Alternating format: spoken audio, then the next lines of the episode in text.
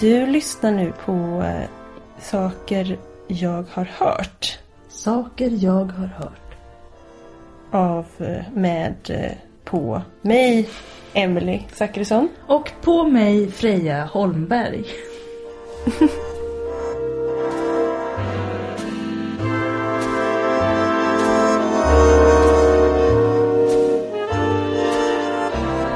eh, välkomna till Saker jag har hört. Vet du vad jag har hört? Nej. Jag har hört att det finns ingen ersättning för nära mänskliga relationer. Wow! Vad säger du om det? Jag säger att det är ju helt sant. För det, det, är, ju- det är ju sånt... Eh, vi, vi är ju, jag har hört, vi är flockdjur. Just det, jag har också hört det. Men jag har också hört att vi är individualister just nu. I våra samhälle just nu. I strukturen vi lever i.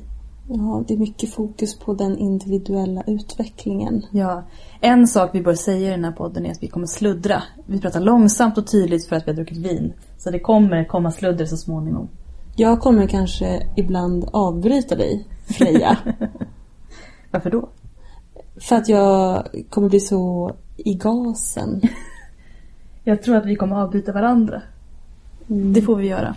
Vi är duktiga på att inte avbryta varandra i vanliga fall så vi kan unna oss det. Men boken som påstår att det inte finns någon, något surrogat för nära mänskliga relationer är Att växa som vuxen av Anders Enqvist. Den är utgiven 1980 och den är understruken av min mamma lite precis överallt. Hon har haft många åsikter som hon håller med om i den här boken. Det roligaste vi slog upp här var ehm, en bild på en ledsen människa. Under så står det Det tråkiga med att ständigt byta sexpartner är att man bara tröttnar på sig själv. Understruket med ett utropstecken. Mm. Det är viktigt att komma ihåg när man hoppar från pinne till pinne till pinne. Vad vi hade tänkt prata om idag egentligen är ju vänskap. Men vi kom på att vad vi än pratar om så kommer vi prata om sex. Vi kanske bara ska börja det. Har du legat med någon vän någon gång? Eh, Ja. Helt eh, otippat. En valborg. Oj. Alltså, ja.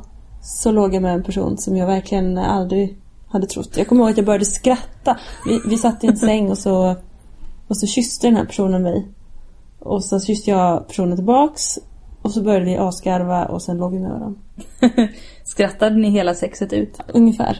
Och sa, upprepade också många gånger det här är så galet att vi ligger med varandra. Kändes det fel? Nej. Vi Kändes låg, det avslappnat och kul? Ja, vi låg med varandra en hel helg efter det. Oj, vad kul. Det var bara kul. Vad bra. Sen insåg vi att det var det då. Ja, det Så var då. slutade vi ligga med varandra. Alltså, Jag har aldrig legat med en vän. Men jag vet inte... Är du vän med dem du ligger med? Ja. Det kanske är så jag jämnar ut det. Nej, jag har aldrig haft en vänskapsrelation som har gått över i något sexuellt. Om det inte har varit en förklädd romans som har låtsats vara vänskapsrelation. Men det var det ju inte så länge. Vänskapsrelationer har bara varit ett, Täckmantel. ett, för, ett förspel. Ja. Men det brukar sällan vara det fallet heller. Utan jag brukar veta direkt vad jag vill och inte vill. Fast jag, har ju- jag har ju vänner som jag är tänd på. Men jag, för mig är det någon sorts magisk gräns på något sätt. Som jag inte ens tänker att jag kan gå över. Sen så säger människor så här. Åh, du kan ju ligga med den här kompisen. Jag bara, va? Kan jag? Det är ju svårt det där. Eh, De här, gr- man har, det finns ju olika gränser, tänker jag. Mm. Eh, Först finns ju gränser innan en blir vän med varandra. Det vill säga att man inte känner varandra. Det är en gräns. Det är en gräns. eh, och det var ju en annan inledning som vi hade som, som hade att göra med två konstnärer. Ja, Vi är ju som bekant konstvetare. vi måste göra konsthistoriska referenser. Jag kan inte låta bli. Nej, kör Anledning... Anledningen till att jag kom på det här med vänskap mm. som, som eh, tema idag var ju det här med att, att jag fick höra idag. Jag, jag har hört om två konstnärer som inte kände varandra. Är det sant? Ja, Då det- levde de under samma tid? De levde under samma tid och de var konstnärer samtidigt. Oj. Men, och de var båda män. Jaha. Och ändå kände de inte varandra. Bodde de nära varandra? Nja, Typ. typ. Ändå In- inte samma land. In the hood. Inte I då. samma, på, sa- I samma världsdel. samma kulturella vagga. Och de var båda vita män. Aha. Det vill säga att det var en eh, som heter Emil Nolde Mm. och sen var det prins Eugen och de kände inte varandra. Och det tycker då en eh, utställningskatalog är så viktigt att poängtera så att de, de skriver en hel del om det, just faktumet att de inte kände varandra. Då måste man anta att de flesta män som var vita och som sysslade med konst under samma tid på den här tiden var i slutet av 1800-talet gissar jag. Början Ja. av 1900-talet. Ja, där i kring. På den tiden där alla brevväxlade med varandra. Då måste Ja. man anta att de faktiskt brukade ha kontakt med varandra och kände till varandras eh, flow om man säger. Jag tänker att det är som en liten klick av eh, män eh, som, eh, som introducerar. Lite som att så här, du, får, dina kompisar säger du skulle kunna ligga med dina andra kompisar. Mm. Att det, vad ska man säga, samma intresse. Samma mål. Det finns liksom som en, en eh, förutsatt eh, magnetism mellan de här männen Ja. som håller på med konst. Och det här är också, tror jag, en tid då, då konst ja, är lite mer samma likriktat. Att om du håller på med konst så håller du på med en typ. Det finns Men här har jag en ett konst. inlägg. Ja. De, De gjorde ju ändå väldigt olika konst. här två, Nolde. kon, de här två konstnärerna. Ja. Emil Nolde var ju abstrakt expressionist. Eller för det mesta i alla fall expressionist. Och kolorist. Ja. Och prins Eugen var ju av den lite mer franska skolan. Och Nolde ville ju med alla medel utrota det franska ur Tyskland. Där Nolde kom ifrån. Kan det vara det som var orsaken till att de inte kände varandra? Jag tror i alla fall absolut inte att det hade någonting att göra med att Emil Nolde var nazist. och ville rena rasen. Medan prins Eugen var mer förespråkare för mer normkritiskt tänkande och stödde eh, män som ägnade sig åt eh, homoerotisk eh, aktivitet Och konst. och konst. Till detta vill jag också tillägga att prins Eugen, som då var prins i Sverige, men inte kronprins, Nej. utan bara en rik prins. ehm, han var ju också från en fransk släkt. Åh oh, herregud. Han var ju av Bernadotte. Dessutom så... Ja, han var väl... Jag vet inte alls hur han ställde sig till vad saker som hände i Tyskland. Det vill jag inte uttala mig om. Men han, eh, han stöttade ju homosexuella gärningar även om han inte satte de orden på dem. Eh, och han... Eh, ja. Ja. Han stod ju också för det franska och moderna på det sättet. Medan Nodde och då var med avantgarde i sin mening. Båda tyckte nog att de var jävligt bra. Jag tror inte det var jävligt bra. Eh, men de är, statuerar ju ett exempel på Ja. hur svårt det kan vara att lära känna varandra. Och, och, och det är ju, mm, som vi pratade om i inledningen här, att det är så viktigt med mänsklig kontakt. Ja. Jag vet inte riktigt vad jag ville komma där. Undrar vart de hade nått om de hade haft en mänsklig kontakt sinsemellan. Vad de hade lärt varandra. Vi brukar ju prata idag om att vi har någon sorts filterbubbla på internet. Att allting som vi blir presenterade på Google och på Facebook går i en algoritm baserat på vad vi brukar söka på och vad vi brukar lajka i vanliga fall. Eh, så har det väl egentligen alltid varit att man tyr sig till det som man vet att man är trygg med. Men tänk om vi tvingades att alltid möta våra motsatser. Det tror jag skulle vara... Det skulle vara så intressant om Google bestämde sig för att nu har du bara sökt på de här sakerna. Nu behöver du Nu lite behöver du lite omväxling. omväxling. Så nu ska vi, och och om, den, om man kunde programmera Google så att det fick liksom ett filter som gjorde att det blir tvärtom. Det har varit väldigt spännande. Eh, nu, nu söker du bara på eh, homoerotisk eh, lesbisk litteratur. Nu ska du bara få höra om eh, jätte, jätte manschauvinistisk hiphop. Wow. Hade du lärt dig någonting nytt? Kanske. Kanske söker du dig till det lesbiska exkluderande litteraturen för att du har fått nog av manschauvinistisk hiphop. Kanske att en försöker hitta någon sorts trygg eh, hamn. Men jag tänker att det skulle vara väldigt bra för ehm, människor som eh, inte tar sig ur sin bekvämlighetssfär. Mm. Jag tror att det är en jättebra idé. Jag tror att vi, att, till exempel Sommar i P1. Jag lyssnar på alla avsnitt som jag tror att jag kommer hata. För att jag vet att jag kommer tänka nya tankar när jag lyssnar på det. Inte att jag kommer hålla med dem nödvändigtvis. Nödvändigtvis, nödvändigligen. Jag vet inte hur man säger det. Nödvändigtvis. nödvändigtvis. Ehm, inte för att jag tror att jag kommer hålla med, utan för att när jag lyssnar så prövar jag de tankarna och föreställningarna som jag redan tänker att jag har. Mm. Och antingen blir de starkare i min övertygelse eller så utmanas de och sen så utvecklar jag dem för att kunna möta nya eh, liksom, argument. Mm. Eh, kanske blir jag starkare, kanske blir jag omvänd, kanske får jag en bredare syn på situationen. Men att möta saker som är jävligt eh, motsägelsefulla mot det som man själv brukar. Det tycker jag är förstår. ganska bra. Jag var väldigt sugen på att, att lyssna på Fredrik Reinfeldts Jag har inte gjort det. Men jag har inte vågat för att jag, Inte jag jag, heller. är en, jag är en eh, fegis. Mm. Eh, Jag har väldigt svårt att ta mig ur, ur min bekvämlighetssfär. Jag tänker på det här med hur en lär känna människor idag.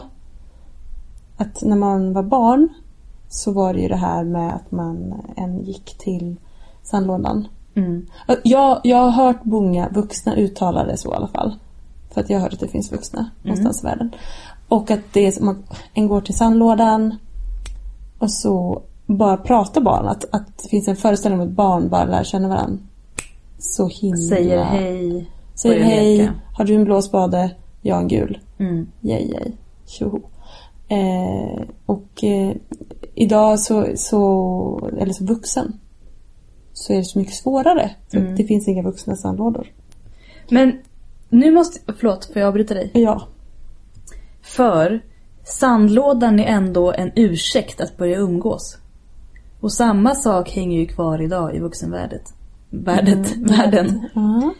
Att vuxna människor som lär känna varandra måste hela tiden ha en ursäkt att ses. Om en dejtar någon så är det en annan sak. För då är det bara så här, ja men vi dejtar så vi ses och pratar och ligger. Och då är det kul och avslappnat och vi kan vara hur nära som helst om vi har lust eller inte. Men som vänner är det väldigt svårt. Det finns ingenting som är självklart för vänner. Det finns inget umgänge som är så här. Det här är toppen av vänskap så dit ska vi nå. Utan vi börjar umgås och för att umgås så hittar vi på saker, ursäkter. Till exempel, hej, vill du följa med mig till trädgårdsföreningen och titta på vackra blommor?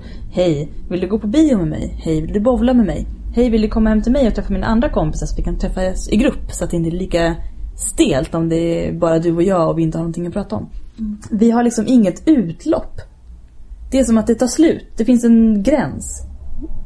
Och det tycker jag är lite konstigt. Eller egentligen ganska logiskt med tanke på hur vuxna människor umgås i Sverige idag. Men eh, ändå lite tråkigt. det är väldigt tråkigt. Men jag funderar på om det är en typisk svenskt företeelse. Ja, det undrar jag också. Det vet inte jag. Det vet inte jag heller. Jag har inte hört... Eller jag har hört att, eh, av, av eh, min kusin att eh, i eh, sydeuropeiska länder så kan man ha dem mycket mer eh, lättare att ta kontakt på något vis. Men det blir väldigt mycket mer ytligt. Ja, jag tror att det är lite det. Jag tror att vi svenskar är väldigt så här. Eh, om vi ska umgås så får det fan vara en orsak till att vi umgås. Och då måste vi umgås på ett väldigt djupt plan. För vi tycker inte om att småprata. Eller vi kan, vara, vi kan småprata men vi, vi ser ändå, vi värderar ändå nära Alltså relationer där vi kan sitta i samma rum och vara tysta är liksom den högsta. Tystnad är den högsta formen av vänskap Ja, i Sverige. ja.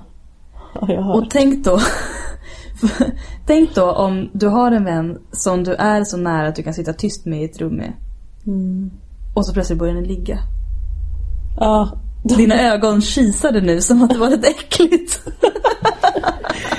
Jag har liksom lite svårt att... eh, eh, Vad ska man säga? Föreställa mig den här. Så det är egentligen kanske bara med personer som du har en, en lättsam relation med som du kan ligga för då har ni ändå inga... Det är som man inte får komma för nära, Mm. tänker jag. Och då ligger man på ett lättsamt sätt. Ja, Ja. så att det kanske är så att man måste hålla sig i någon sorts mellanzon. Jag förstår. ehm, tänker jag. Mm. Det här är, jag tycker det är outgrundligt. Just nu håller jag på och liksom försöker fördjupa mina vänskaper och reda ut vilka som är mina vänner och vilka som egentligen är ointressanta i mitt liv. Eh, och vad som ger mig någonting och vilken typ av vänskapsrelation jag vill ha. Och jag kommer också fram till att jag vill ha vänner som jag kan vara fysisk med, typ krama, ligga i soffan och skeda med. Jag vet inte, ta på axeln när vi pratar. Alltså att alla typer av fysisk närhet ska vara odramatisk. Men för mig är det väldigt svårt. För jag har en så här extremt tydlig fysisk barriär mot människor. Så jag märker att de enda personerna jag kan ha sån relation med är mina ex. För där har vi redan gått över den gränsen. Men hur gör man det med nya vänner? Det, det, för mig är det väldigt svårt för jag, jag har en ganska... Jag tror att jag har en fysisk relation med många av mina män- vänner, även med nya vänner.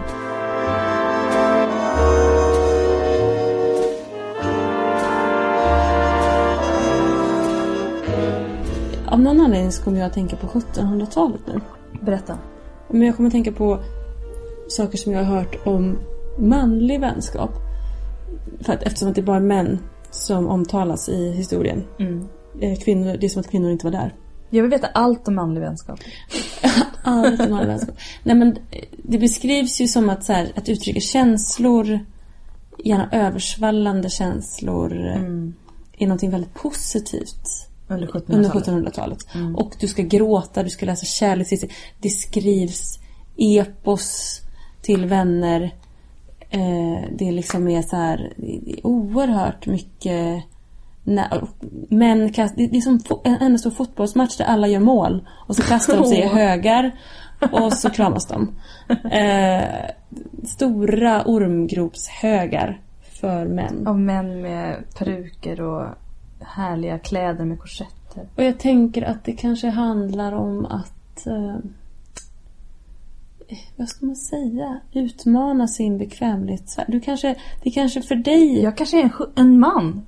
på 1700-talet. Nej, idag. Nej, idag.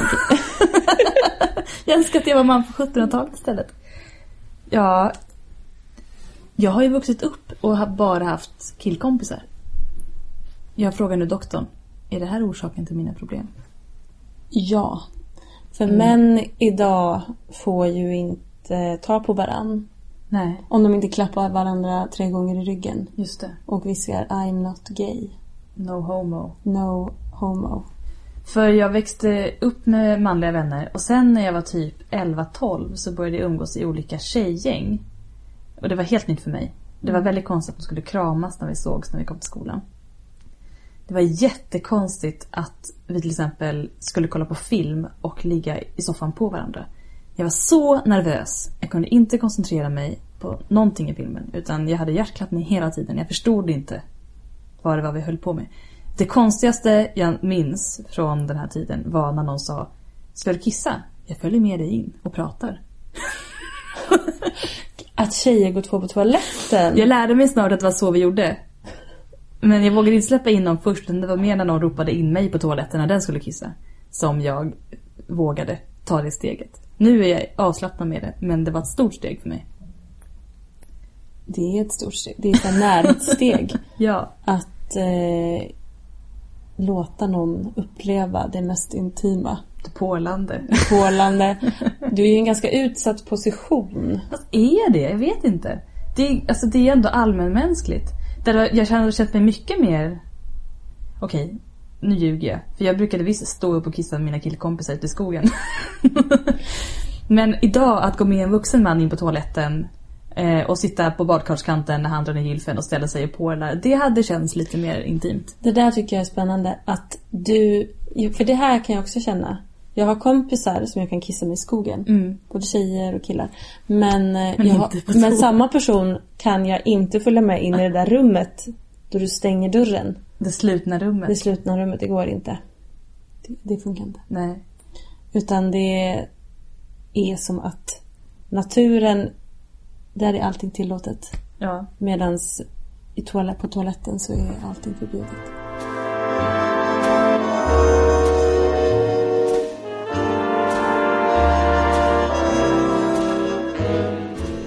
Jag tänker att det ofta, för mig i alla fall, handlar om att eh, jag är rädd att tolka fel. Mm. För att man har inte ett tydligt Precis. Däremot, språk. om man pratar om det så tror jag att det är lättare. Men då tänker jag att i, i filmer och så, Mm. i det populär... i pop- Referens. Not. no, referens. Allmänna filmer och populärkultur. Mm. Så är det alltid någon som vill mer eller mindre. Och då har man lärt sig att det är så det är. Och, det är så det. och då tänker man så här, eller tänker jag så här att om jag vill mindre då betyder det automatiskt att den andra vill mer. Så Ja. då övertolkar jag alla den personens handlingar. Eller jag är rädd att övertolka eller feltolka. Mm. Och sen kommer vi in i någon sorts metatolkningssystem. Där jag tolkar allt Mm. fel. Det är väl det som jag tror är problemet. Speciellt om man inte har haft en fysisk relation och man plötsligt börjar kramas. Då blir det konstigt. Och då är det konstigt att prata om det också för att man inte riktigt har varit där och nosat innan. Här tänker jag att manlig vänskap är svår Mm. för män. Mm. Eh, för jag har hört Och för kvinnor som beter sig som män. för, kvin- och för kvinnor som um- umgås med män. Att män, eh, all närhet leder till relation. Mm. Och om För att all närhet är tabu. all närhet är tabu, närhet är tabu har jag hört. Mm. Och det är den engelska gentlemannens fel. Åh, intressant. Berätta varför. Jo, eh, min kollega Ja. har sagt att under 1800-talet så är det ju så att att uttrycka känslor och eh, vara känslosam och burdus är kopplat till eh, fulla arbetare. Oj! Ja. Så därför så ska den brittiska gentlemannen som är idealet, normen, trycka in allting Mhm. i, innanför sin smoking som Ja. kommer på 1800-talet Ja. och knäppa, knäppa igen Knäppa igen. och hålla igen. Eh, Och all form av, av uttryck av känslor är eh, förknippat med underklass, det vill säga någonting dåligt. Och då bara trycker man in det, nu gjorde jag ett äckligt ljud, och, och håller undan det. Och då tänker man att någon människa som uttrycker en känsla är ju, det är inte bra. Så därför håller, och det är då Så den, idealet är att inte ha några känslor? ja, och inte uttrycka För några närhet känslor. är känslor? Ja, och, och nära vänskap är, är känslor. Den ska helst vara intellektuell. Jag ska, ja, Är det därför överklassen i England är så otroligt besatt av att dikta i sina brev? dikta i sina brev och också ha tydliga ramar och mönster för hur du umgås. Så Regler. traditioner blir fantastiskt viktiga. För det är då ni känner närhet. När ni kan återkomma till samma sätt att bete sig gång på gång. Och se hur det utvecklas lite varje gång. Mm. Exakt. Och man ska inte gråta. Nej. Och man ska bara trycka in. Och om man har de här reglerna och normerna då vet man ju precis vad som kommer hända. Det finns ju en trygghet i det. Ingenting kommer hända. Ingenting kommer att hända. Inget förutsatt. Det blir aldrig överraskning. Det blir aldrig julafton. Så vänskap är också lite av en fantasi. Ja. Det här kanske låter långsökt, men det var min slutsats. men för att du, vänskap är en teoretisk kärlek. Ja. Nu kommer jag också komma med någonting långsökt här. Och att, att om det finns regler och system under den här tiden som är typ 1800-1900-tal som jag har någon, om någon aning hamnat på nu. eh, Då kan jag förstå varför människor är förvånade över att personer som höll på med samma grej att man är förvånad över att de inte kände varandra. För det fanns säkert också Om, om sandlådan här är att om du håller på med samma grej och är Mm. av samma status i samma sfär så kommer du till slut att lära känna varandra. Så sandlådan är i princip din arbetsplats. Din... Och som konstnärer, som de här två var, som vi pratade om i början. De var i samma sandlåda. Prins Eugen och Emil Emil Nolde. Mm. Nolde. De var i samma sandlåda men de lekte inte med varandra. Nej, men de spelade med samma regler men, och samma spel fast inte med varandra. Nej, Och det var konstigt. det var konstigt. Tror du att de ville ha vänner? Nej, Nej. jag tror att de hade hatat varandra djupt och innerligt. Men så är det väl alltid när någon går i en klass eller är i en sandlåda. Det finns alltid folk som man vill leka med. Men sen finns det de här som alltid puttar en när man kommer för nära. Eller som alltid tar en spade. För att vi har olika sätt att se på saker. Jag tror att Emil Nolde hade tagit prins Eugens spade, kastat den rakt ut i skogen. Det tror jag också. Typiskt Nolde. Typiskt Nolde. Har du läst Ensamhetens brunn? Nej. På tal om aristokrati och ensamhet och kärlek och vänskap. Där finns ju inte plats för känslor. Nej. Men känslorna, de finns. Vi behöver inte gå djupare i det. Ni som har läst den förstår vad jag menar. Mm. Hur ska vi avsluta det här? Kanske ska... Ett random citat. Ett random citat. Inte där. Inte där. Freja bläddrar. Jag live kommenterar. I andra fall kanske människan vågar och vill ge uttryck för sina behov och önskningar men vet inte vilka det är eftersom hon har blivit utsatt för en eller flera av de påverkningar som berörs ovan. Det vet vi inte vad det är. I sådana fall kanske någon annan måste hjälpa till. Vi avslutar där. Vi avslutar där. Vi måste hjälpas åt. Ja. Tack. Tack.